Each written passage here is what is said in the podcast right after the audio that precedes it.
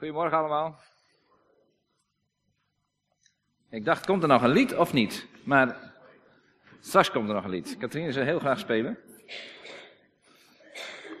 Wij zijn uh, vorige week gestart met, een, uh, met de drieluik over de veelkleurigheid binnen de gemeente.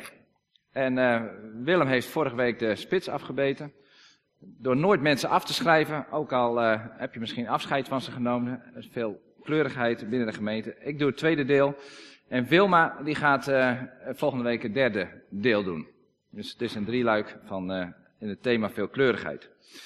Ik kan me voorstellen dat veel van u uh, het nieuws wel een beetje volgt. En uh, ik heb dat ook gedaan. En heb u dit ook meegekregen? Vorige week, twee weken geleden. Er komen allemaal toeristen naar Nederland. Gaat niet goed? Met één stekkertje beter. Oh, dan komen de kleuren wat beter over. Dankjewel. Ja, je ziet, veel kleurigheid. Zie je, dat is mooi. er komen heel veel mensen naar Nederland, uit, uh, uit het buitenland, veel toeristen. Maar wat doen die toeristen? Die blijven allemaal een beetje in Amsterdam hangen. Amsterdam, onze hoofdstad, en het is allemaal geweldig. En uh, Amsterdam kan het bijna niet meer aan. En uh, de Tweede Kamer heeft daarover nagedacht en zei eigenlijk zou dat anders moeten. Die toeristen zouden niet alleen in Amsterdam moeten blijven, maar die zouden veel verder moeten gaan. Nederland is natuurlijk veel groter dan alleen Amsterdam. Dus, uh, nou, een mooie boel is dat. En um, een paar dagen later kwam dit in het nieuws. Eigenlijk ook wel heel mooi. Friesland scoort in de top 3 van de Lonely Planet lijst. Als je naar het buitenland op vakantie gaat, vooral als je ver weg gaat, dan is Lonely Planet een reisgids. En die adviseert je van waar je het beste naartoe kan gaan op vakantie. Nou, Lonely Planet die zegt, uh, Friesland hoort in de top 3 van de beste plekken in Europa. Dus dat sluit wel heel mooi aan bij wat de Tweede Kamer besloten heeft. Want ja, eigenlijk Amsterdam, wat hebben we er nog te zoeken, zou je denken. Ga richting Friesland. Want er valt momenteel heel veel in Friesland te beleven. Even kijken. Het is eentjes verdwenen. Oké, maakt niet uit. Dat is zijn culturele hoofdstad. Dat klopt, hè? Culturele hoofdstad. Dus, uh, nou, je zag het al even. Alle Chinezen richting Friesland, zou ik zeggen. Chinezen, Japanners, uh, wie dan ook maar, niet, niet in Amsterdam steken, maar reis door naar, uh, naar Friesland. Want dan in Friesland valt heel veel te beleven. In Amsterdam, in Leeuwarden valt heel veel te beleven, staat ook ten aanzien van die culturele hoofdstad. Nou, even zoeken naar wat uh, Chinezen die op vakantie zijn. Dat was niet heel moeilijk met, uh, met googlen. Want stel je nou eens voor inderdaad dat er heel veel uh, Chinezen komen, die landen in, uh, in, op Schiphol. Die gaan natuurlijk een dagje ook naar Amsterdam, want Amsterdam zou ook wel een beetje blijven. Ze gaan naar de Bollenstreek, aan de Bollen, en dan gaan ze ook een dagje Friesland doen. Nou, dan kunnen we ze de verschillende kanten uitsturen. Want stel, er komt een groepje, hè, die Chinezen, Bollenstreek hebben ze gehad. De volgende dag nemen ze een dagje Friesland. En, oh, hier is die van, die, die is verschoven. Nou, dat kan zomaar. En dan geven ze een dagje maken ze het scootjesielen mee. Dat is natuurlijk heel mooi. Naar de, het Snekenmeer of naar de andere grote meren. En dan gaan ze het scootjesielen meemaken. In deze hele mooie bootjes. En langs de kant staan ze dan te kijken en kunnen ze al die foto's maken. En daarover verhalen.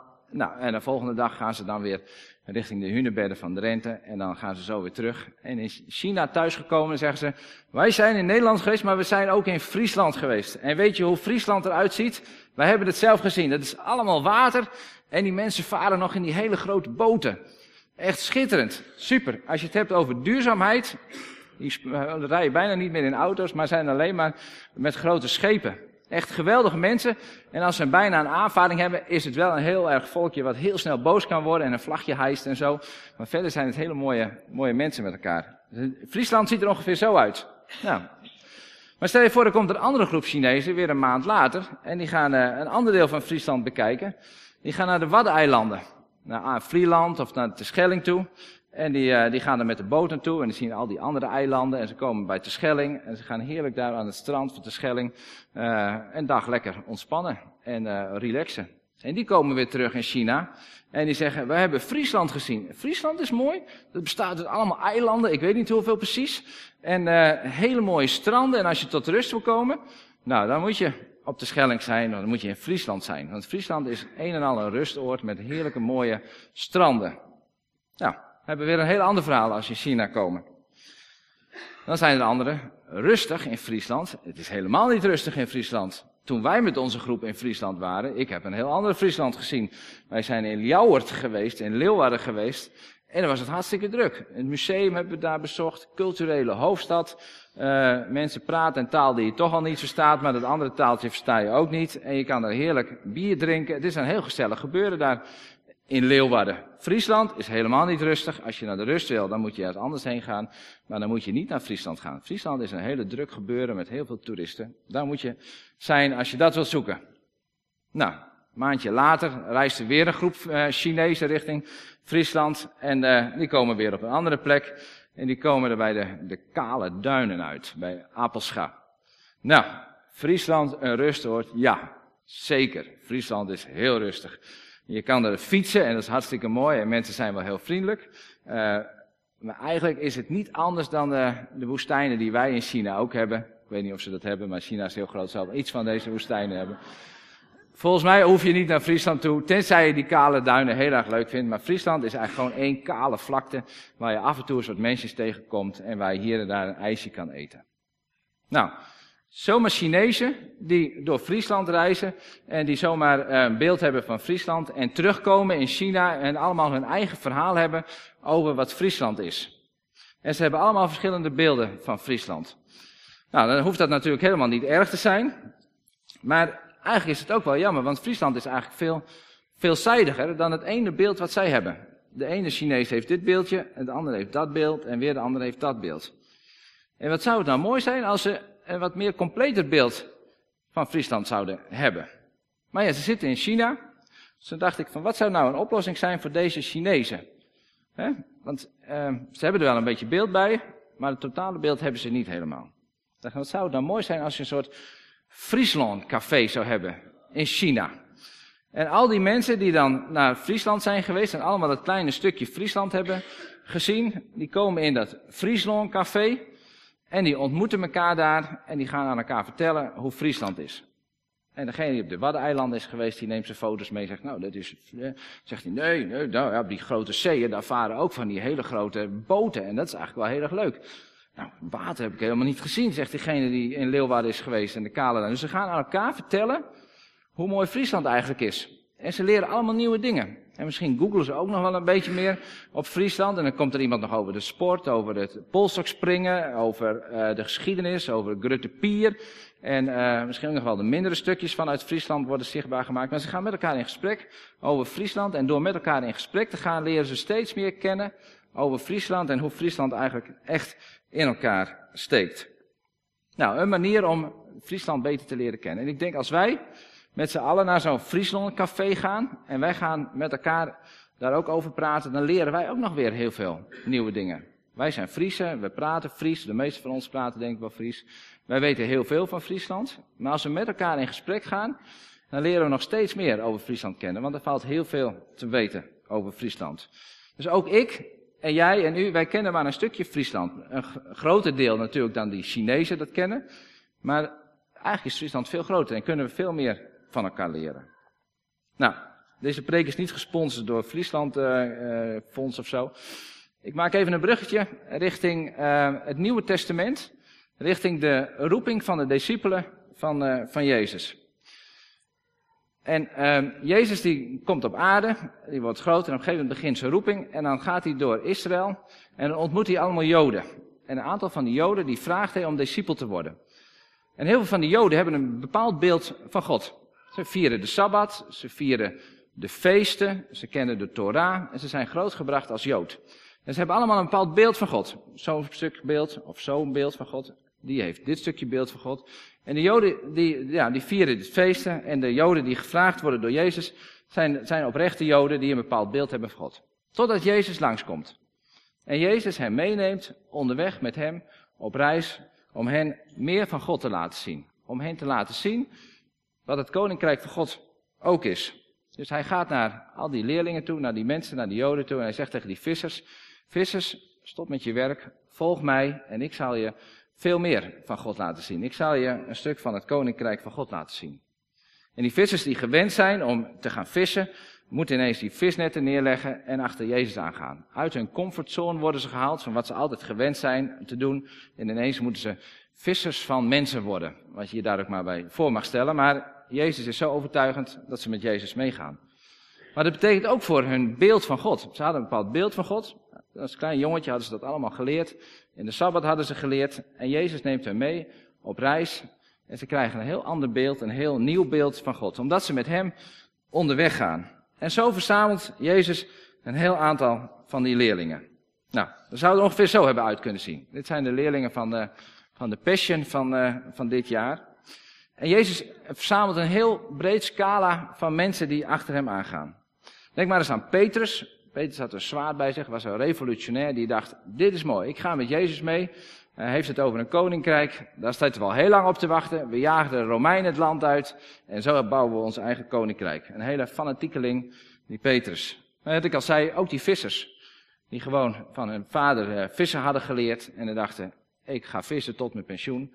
Uh, die hobbelen en die rijden, die lopen achter Jezus aan. Jezus neemt een belastinginner mee. Iemand die met geld omging, belastinginspecteur zou je zeggen. En Jezus zegt tegen Matthäus, Matthäus, ga met me mee. En ik leer je veel meer van God. Ik leer je over het koninkrijk van God. Jezus neemt zelfs iemand mee, Judas, die hem later zou verraden. Maar die gaat ook met Jezus mee. En ook hij volgt Jezus. Hij neemt Thomas mee. Thomas, degene die uh, uh, twijfelt, die het allemaal niet zo goed weet. En die misschien steeds wel een beetje twijfelt, want zo kennen wij hem ook vanuit, uh, vanuit de evangelie. En ook hij mag met Jezus mee. Het lijkt alsof Jezus geen beperking heeft in de mensen die hem uh, mogen volgen, die hem mee mogen nemen. En dat is ook zo. We mogen allemaal achter hem aan. En deze leerlingen hobbelen achter Jezus gaan. Als je het hebt over veelkleurigheid, nou, in die leerlingen van Jezus zie je de veelkleurigheid van de volgelingen van hem. We zijn allemaal verschillend. Al die mensen zijn anders en ze mogen achter hem aan. En al die mensen die zo anders zijn, die neemt hij mee onderweg naar Jeruzalem. Waar Jezus hen leert over, uh, over wie hij is, over het koninkrijk van God. Waarin de leerlingen zien dat hij conflicten heeft met de, met de schriftgeleerden. En alles daarvan leren ze steeds meer over het koninkrijk. Jezus neemt ze mee naar Galilea, naar een heel ander gebied. Het noorden van, van Israël, een beetje het Friesland en Groningen van Israël. Uh, een beetje achtergebleven gebied, maar hij neemt ze mee. En hij, laat ze daar, hij leert ze daar over het koninkrijk. Ze gaan dwars door Samaria heen waar de, de, de niet-echte Joden meer wonen, want ze hebben zich vermengd met andere volkeren. En Jezus praat daar met de vrouw en hij laat hen alle kanten van het koninkrijk van God zien. Heel anders dan dat stukje wat ze eerst hadden geleerd toen ze nog jong waren, voordat ze met Jezus meegingen. Maar Jezus leert hen steeds meer over het koninkrijk en over hemzelf. Hij praat met Romeinse soldaten, hij neemt ze mee naar de, de prostituees, hij uh, neemt ze mee naar de tollenaars. En dan gaat een wereld voor hen open. Want Jezus vergroot hun wereld, vergroot hun horizon.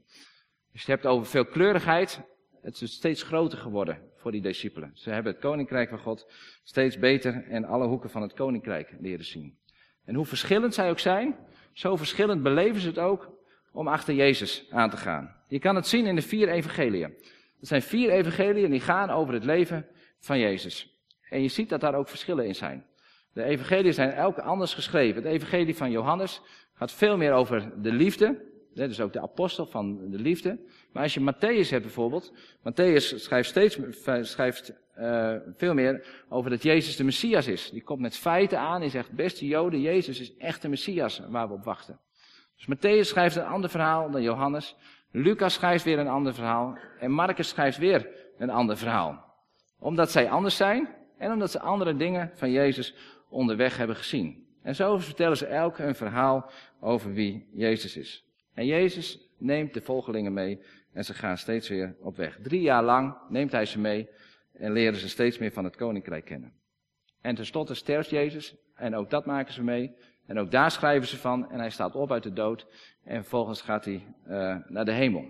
En als de leerlingen dan dachten dat het onderweg zijn met hem voorbij was, dan hebben ze het mis, want Jezus zegt tegen hen, Ga naar Jeruzalem en als de Heilige Geest komt, dan moet je er weer op uitgaan. Dan moet je weer onderweg zijn en dan moet je weer uh, dingen delen, maar tegelijk ook weer opnieuw leren om met mij onderweg te zijn. Neem nou Peters bijvoorbeeld. Misschien heeft Peters wel gedacht, na de opstanding, dan is het over. Dan is het mooi en de hemelvaart, Jezus is weg, dan ga ik weer gewoon mijn eigen vak doen. Maar de geest greep Peters aan en Peters gaat vertellen over het koninkrijk en hij, hij vertelt aan alle Joden het evangelie. En misschien heeft hij toen wel gedacht, nou heb ik het ongeveer wel in beeld. En dan krijgt hij een droom van die onreine dieren. Misschien weet je dat, het laken zakt naar beneden, er zitten reine en onreine dieren in. En dan maakt God hem duidelijk van, hé, hey, het gaat niet alleen over Joden, dit koninkrijk van God, maar het gaat over alle volken. Je moet erop uittrekken, buiten het Joodse volk om, om ook daar het evangelie te vertellen. Dus misschien als Petrus gedacht heeft van nou, nu weet ik het wel ongeveer. Nou, dan ging het nog weer 180 graden anders, want het werd nog weer anders. Nou, mooie ervaringen wat die discipelen hebben meegemaakt. En nu gaan we eens even kijken wat het met ons doet. En net een beetje als van het Friesland ervaring. Die Chinezen denken, nou, wij weten het wel een beetje. Maar als je met elkaar gaat praten, dan kom je tot de dekking dat het veel groter is. En zo hadden de, de volgelingen van Jezus dat ook. De discipelen hadden wel een beeld. Maar langzamerhand, God vergroot dat beeld. Als je met hem onderweg bent, als je met God op pad gaat, dan wordt je beeld van God steeds groter en groter. Nou, Friesland is maar een klein stukje van de schepping. Het koninkrijk van God is veel groter. Misschien moeten we wel nooit denken van we weten genoeg. Maar we kunnen steeds meer over God te weten komen.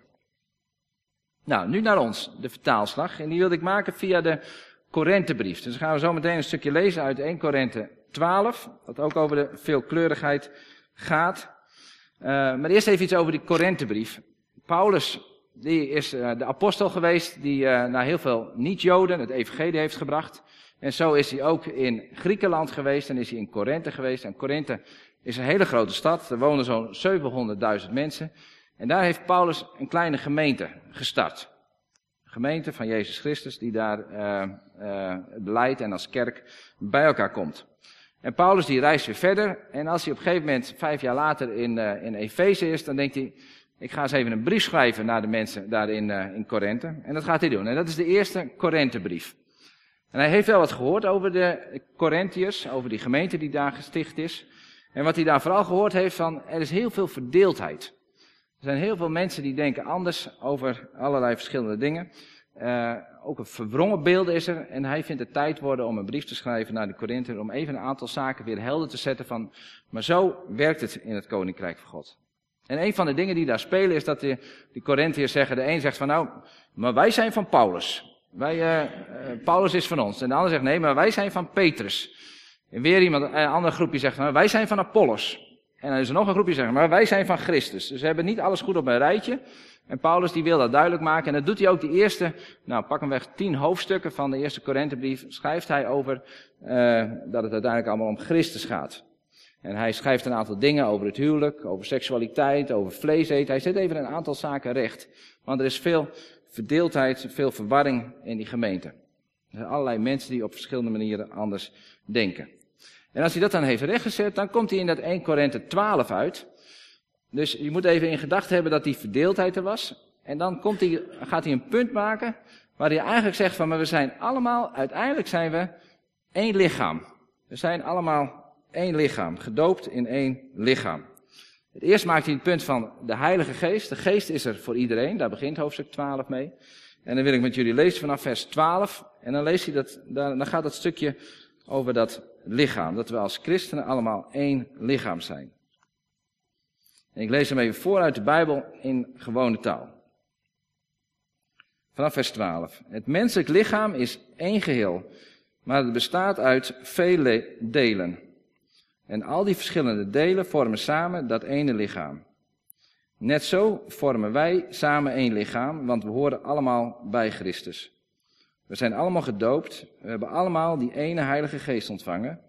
Dat geldt voor Joden en voor niet-Joden, voor slaven en voor vrije mensen. Wij vormen samen één geheel. Een lichaam bestaat niet uit één deel, maar uit veel verschillende delen. Stel dat de voet zegt, jammer, ik hoor niet bij het lichaam, want ik ben geen hand. Dat kan de voet wel zeggen, maar een voet hoort toch echt wel bij het lichaam. Of stel dat het oor zegt, jammer, ik hoor niet bij het lichaam, want ik ben geen oog. Dat kan het oor wel zeggen, maar het oor hoort toch echt bij het lichaam. Als het hele lichaam alleen maar uit ogen bestond, dan zouden we niet kunnen horen. En als het hele lichaam alleen maar uit oren bestond, dan zouden we niet kunnen ruiken. God heeft elk deel van het lichaam een eigen taak gegeven, precies zoals hij dat wilde. Een lichaam bestaat dus uit veel delen en al die delen zijn verschillend, want als ze allemaal hetzelfde waren, zouden ze nooit met elkaar één lichaam kunnen vormen. Het oog kan niet tegen de hand zeggen, ik heb je niet nodig. En het hoofd kan niet tegen de voeten zeggen, ik heb je niet nodig. Nee, natuurlijk niet. Sommige delen van het lichaam lijken minder belangrijk, maar we hebben ze toch echt nodig. Tot zover. Dan gaat het nog een stukje verder. Dus Paulus zegt, je kan wel heel erg verdeeld zijn over allerlei, je kan allerlei verschillende meningen over dingen hebben. Maar iedereen die christen is, die Jezus volgt, die heeft de geest. En de geest maakt dat je samen één lichaam bent. Dat wij samen één lichaam zijn, dat is niet omdat we een bepaalde dresscode hebben afgesproken. Dat is ook niet omdat we ergens een handtekening onder hebben gezet. Dat is ook niet omdat u auditie gedaan hebt voor deze gemeente en zegt, nou, die willen we er wel bij hebben. Dat er een soort ballotagecommissie is die zegt, nou, die willen we wel en die willen we niet. De geest bepaalt wie bij het lichaam horen. En iedereen die christen is, die Jezus volgt, die hoort bij het lichaam, zegt Paulus. Of je nou een Jood bent of een niet-Jood, of je nou een slaaf bent of een vrije mens, iedereen hoort bij dat ene lichaam. En daar hebben jij en ik geen invloed op. Dan alleen dat we Jezus volgen en dan horen we bij dat ene lichaam. Het is allemaal genade. De genade dat wij bij het lichaam mogen horen. En de een kan niet tegen de ander zeggen, jij hoort er niet bij. Want de mening die jij hebt, die staat me niet aan. Of die schoenen die jij draagt, die doen we hier niet, dus je hoort er niet bij. Iedereen hoort bij dat ene lichaam. En zo zijn we net als dat groepje discipelen van Jezus, um, zijn wij ook zo'n volkje, zo'n mengelmoesje volk wat achter Jezus aanloopt. En iedereen mag achter Jezus aanlopen. We zijn allemaal discipelen van Jezus. Zoals we hier zitten. Maar zo komen er deze zondag ook uh, in allerlei andere gemeenten mensen bij elkaar die Jezus volgen. En ook die horen bij het lichaam. Mensen van de vrijgemaakte kerk, van de peken en gemeente. Kijk, noem maar gemeentes op. Mensen die afgeknapt zijn op de gemeente. En helemaal niet meer in een gemeente komen. Maar toch een volgeling van Jezus zijn. Die horen bij het lichaam van Jezus. Er is niemand uitgezonderd, want wij bepalen niet wie wel of niet lid zijn van die gemeente. De Thaisese broeders die in uh, Frankrijk bij elkaar komen. Ook die priesters die horen bij, bij het koninkrijk van God. Die horen bij het lichaam. Want ook zij volgen Jezus. De Afrikaanse broeders en zusters die elke zondagochtend staan te swingen en te dansen. Ook die horen bij het koninkrijk van God. Ook die horen bij het lichaam. De broeders en zusters in Noord-Korea, die het zwaar te verduren hebben om hun geloof, ook zij horen erbij. En ook zij, die het zo zwaar te verduren hebben gekregen, die de moed hebben opgegeven, die zich misschien wel verraden voelen van het evangelie, die de druk niet aankonden, ook zij horen bij het lichaam van Christus, want ook zij willen volgen. Over deze hele wereld horen mensen bij het lichaam. En ook, ik, en ik was deze week natuurlijk bezig met van ja, die horen allemaal bij het lichaam. En dan denk je, oh, zou deze man er ook echt bij horen? Heb je dat meegekregen? Die man die 54 miljoen euro, nee, nou, dollars, dus het valt nog iets mee. 54 miljoen dollar bij elkaar zoekt voor een privéjet, omdat God het wil. Ik geloof dat die man Jezus wil volgen. Uh, en hij hoort ook bij het lichaam. Ik las ergens op, uh, op LinkedIn Jezus, eh, nou, dat, dat, dat, maakt niet uit. Dit wordt opgenomen, dat moet ik niet doen. Maar dit zijn mensen die vinden dit helemaal niks. En ik vind wat hij zegt ook niks. Maar hij is een volgeling van Jezus, denk ik. Ik ken hem niet persoonlijk, dus ik ga ervan uit dat het zo is. En ook hij hobbelt achter Jezus aan. Net zoals jij en ik struikelen en vallen en elkaar nodig hebben om samen achter Jezus aan te gaan. En zo is er een mengelmoesje van discipelen, van volgers van Jezus die met hem uh, onderweg zijn. En we horen er allemaal bij. Dat liedje hebben we ook gezongen, we hoorden er allemaal bij. En we zijn allemaal verschillend. Net zoals die leerlingen verschillend zijn, zo zijn wij ook verschillend. En dat is niet een, een foutje van God, dat hij dacht van, uh, oh, dat is uit de hand gelopen, al die verschillende mensen. Nee, hij heeft dat juist zo gewild. Dat staat ook in dit gedeelte. Hij heeft ieder deel van het lichaam heeft hij zo gemaakt, omdat het samen één lichaam was. Hoe zou het nou zijn als het lichaam uit één deel bestond? Dan zou het een heel saai lichaam zijn. Maar we zijn verschillend en zo heeft God het bedoeld. En omdat we verschillend zijn, kijken we ook anders naar God. Beleven we het ook anders? Zien we het ook anders? Lezen we de Bijbel ook anders? En dat is een stukje veelkleurigheid. Want jij ziet het anders dan jij en ik zie het weer anders dan weer een ander. En zo maken we met elkaar een stukje veelkleurigheid. Zien we een veelkleurigheid van dat koninkrijk van God. Dus God heeft het juist bedoeld dat we verschillend zijn. God heeft het juist bedoeld dat jij net iets anders tegen hem aankijkt dan ik. Net zoals die Chinezen op een andere manier steeds een stukje van het Friesland zien. En zo zie jij net een ander stukje van het Koninkrijk van God dan ik. En jij weer iets anders dan de ander. En die verschillen zijn mooi, die zijn juist goed. En het zou mooi zijn als die verschillen steeds meer zichtbaar worden. Dat we niet elkaar napraten, want dan hebben we maar één stukje. Maar dat we gaan vertellen over wat God in ons leven gedaan heeft en dat die verschillen juist heel mooi zijn. De Bijbel staat ook vol met die verschillen. We hebben dat gezien, die vier evangeliën zijn al verschillend. Maar de Bijbel staat vol met verhalen die weer op een ander stukje manier iets van het koninkrijk van God en iets van God laten zien. En dat is best spannend.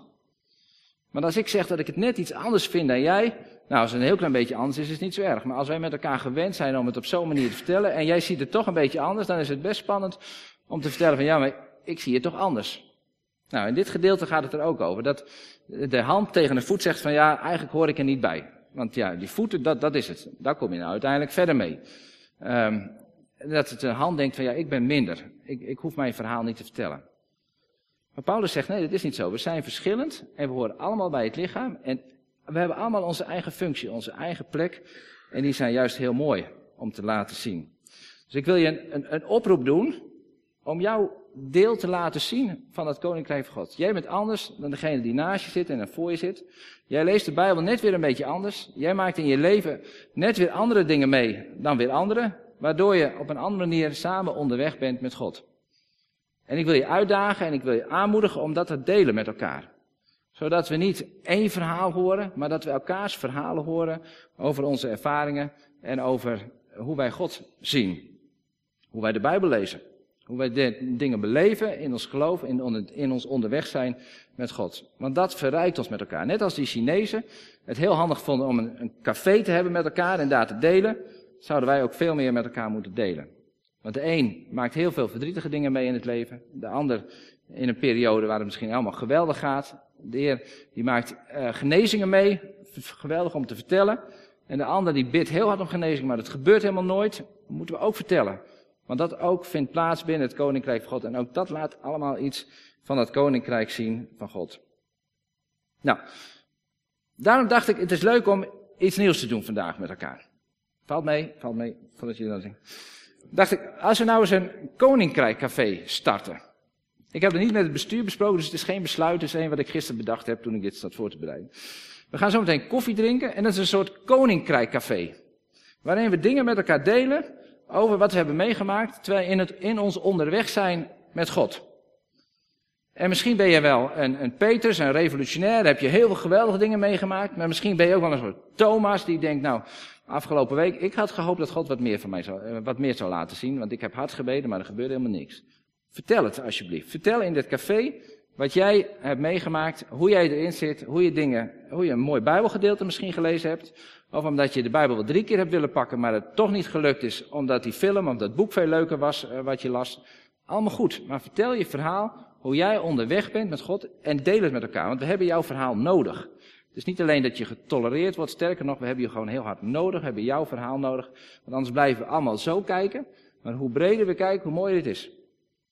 En misschien komt er wel zo'n Chinees, heb ik gedacht, van ik moet er toch een kleine kanttekening mee maken. Misschien zegt de Chinees wel, ik heb iets heel moois gezien, moet je kijken, allemaal grote stenen op elkaar. Nou, dat is Drenthe, maar dat weet die Chinees natuurlijk niet precies, want niet overal staat zo'n rode lijn wat je eroverheen gaat. En dan kunnen die anderen ook zeggen van, hé, hey, maar dat is Drenthe. Oh ja, is dat dan zo? Nou, dan zoeken ze dat na in die Lonely Planet en zo. Ja, inderdaad, op reis 73, daar staat dan Drenthe natuurlijk, en dan, dat zijn hunebedden. En zo kun je elkaar ook helpen, om te zeggen van, hé, hey, ik dacht dat het zo was, maar dat je uh, zegt, nou, misschien moet je het ook anders kijken. Dat is ook het, wat je met elkaar kan, kan delen. Maar als je het niet deelt met elkaar, dan weet je het ook niet. Dus ik wil je aanmoedigen om zometeen, nadat we weer een aantal liederen gezongen en de dienst afgesloten hebben, om in het café zitting te nemen, in het Koninkrijk Café en onze verhalen daar te delen. En natuurlijk is het spannend en natuurlijk is het lastiger om te vertellen dan allemaal andere dingen. Maar vertel gewoon maar jouw verhalen en het is goed. En laten we dat met elkaar gaan delen, want we hebben je verhaal heel hard nodig. Dat is veelkleurigheid. De ene is het groen, de andere is het blauw en met elkaar zien we hoe God in ons leven werkt. Ik wil afsluiten met een, uh, een verhaal wat ik gelezen heb, wat, wat hier ook wel weer, uh, weer bij aansluit. Het is een uh, boekje. De titel is wel heftig, De Orthodoxe Ketter van Peter Rawlings. En gelukkig is het vertaald en je kunt het gewoon in het Nederlands lezen. Het is een verhaaltje van drie bladzijden. En dat is, volgens mij sluit het hier wel mooi op aan. En als je vindt van niet, dan hebben we het zo meteen in het café wel even over. En dan horen we het wel even. Dus ik zou zeggen, ik doe dat bij de kinderclub ook wel, dan lees ik een verhaal. Zeg, ga er lekker achterover zitten, ontspan je even en luister even naar dit verhaal. Het zou wel een pittig verhaal, maar er is niet heel veel bloed komt erin voor, dus het valt wel mee. Er staat boven de ketter. De laatste persoon die ooit ter wereld veroordeeld werd, was een jonge man. Men beschuldigde hem ervan het beeld van God te verdraaien door middel van zijn valse leer. Het was in die tijd de gewoonte om de beschuldigde zonder vorm van proces gevangen te nemen en te martelen om hem zo een schuldbekentenis te ontlokken. Maar terwijl de beschuldigde moeiteloos bekentenis liet horen, weigerde hij berouw te tonen met betrekking tot de aanklacht. Misschien hadden de folteraars, wanneer ze doorgegaan waren, hem tenslotte weten te dwingen om berouw te tonen, maar dat maakte ze niet veel uit. Want dan zou, wanneer de rechter de doodstraf het had, had uitgesproken, ook het getuigenis in rook opgaan.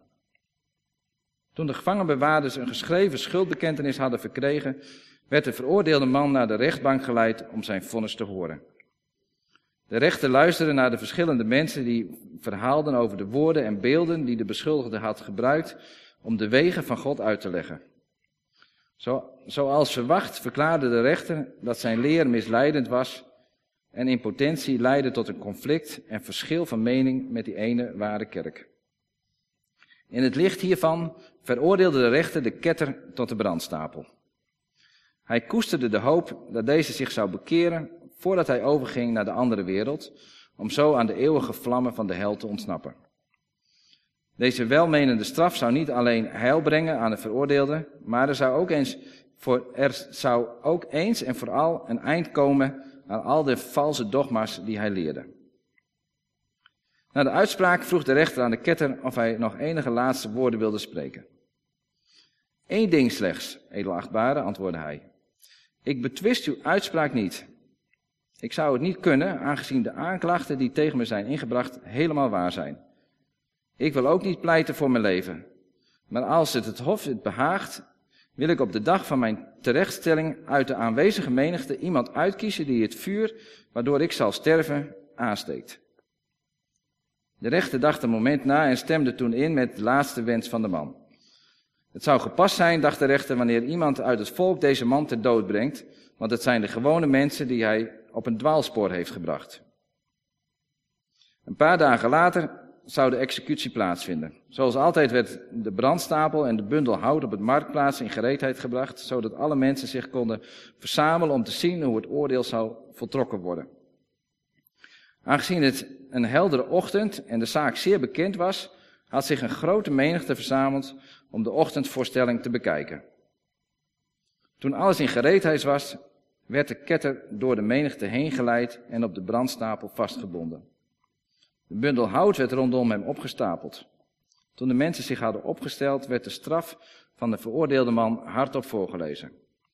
Voordat de beul het hout kon aansteken, vroeg de rechter, die zijn woord hield, om stilte.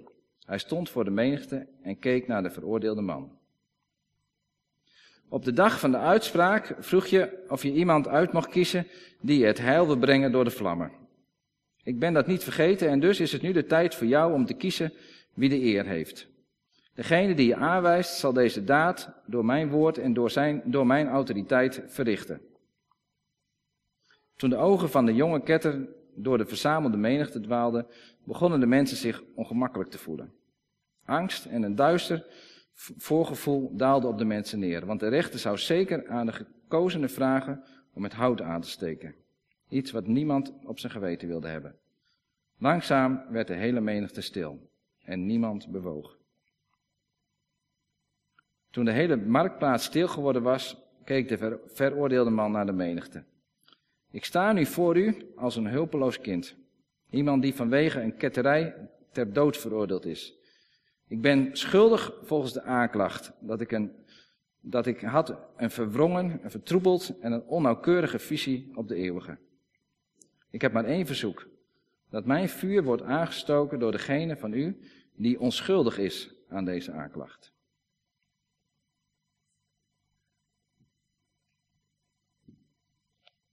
En toen bleef het stil.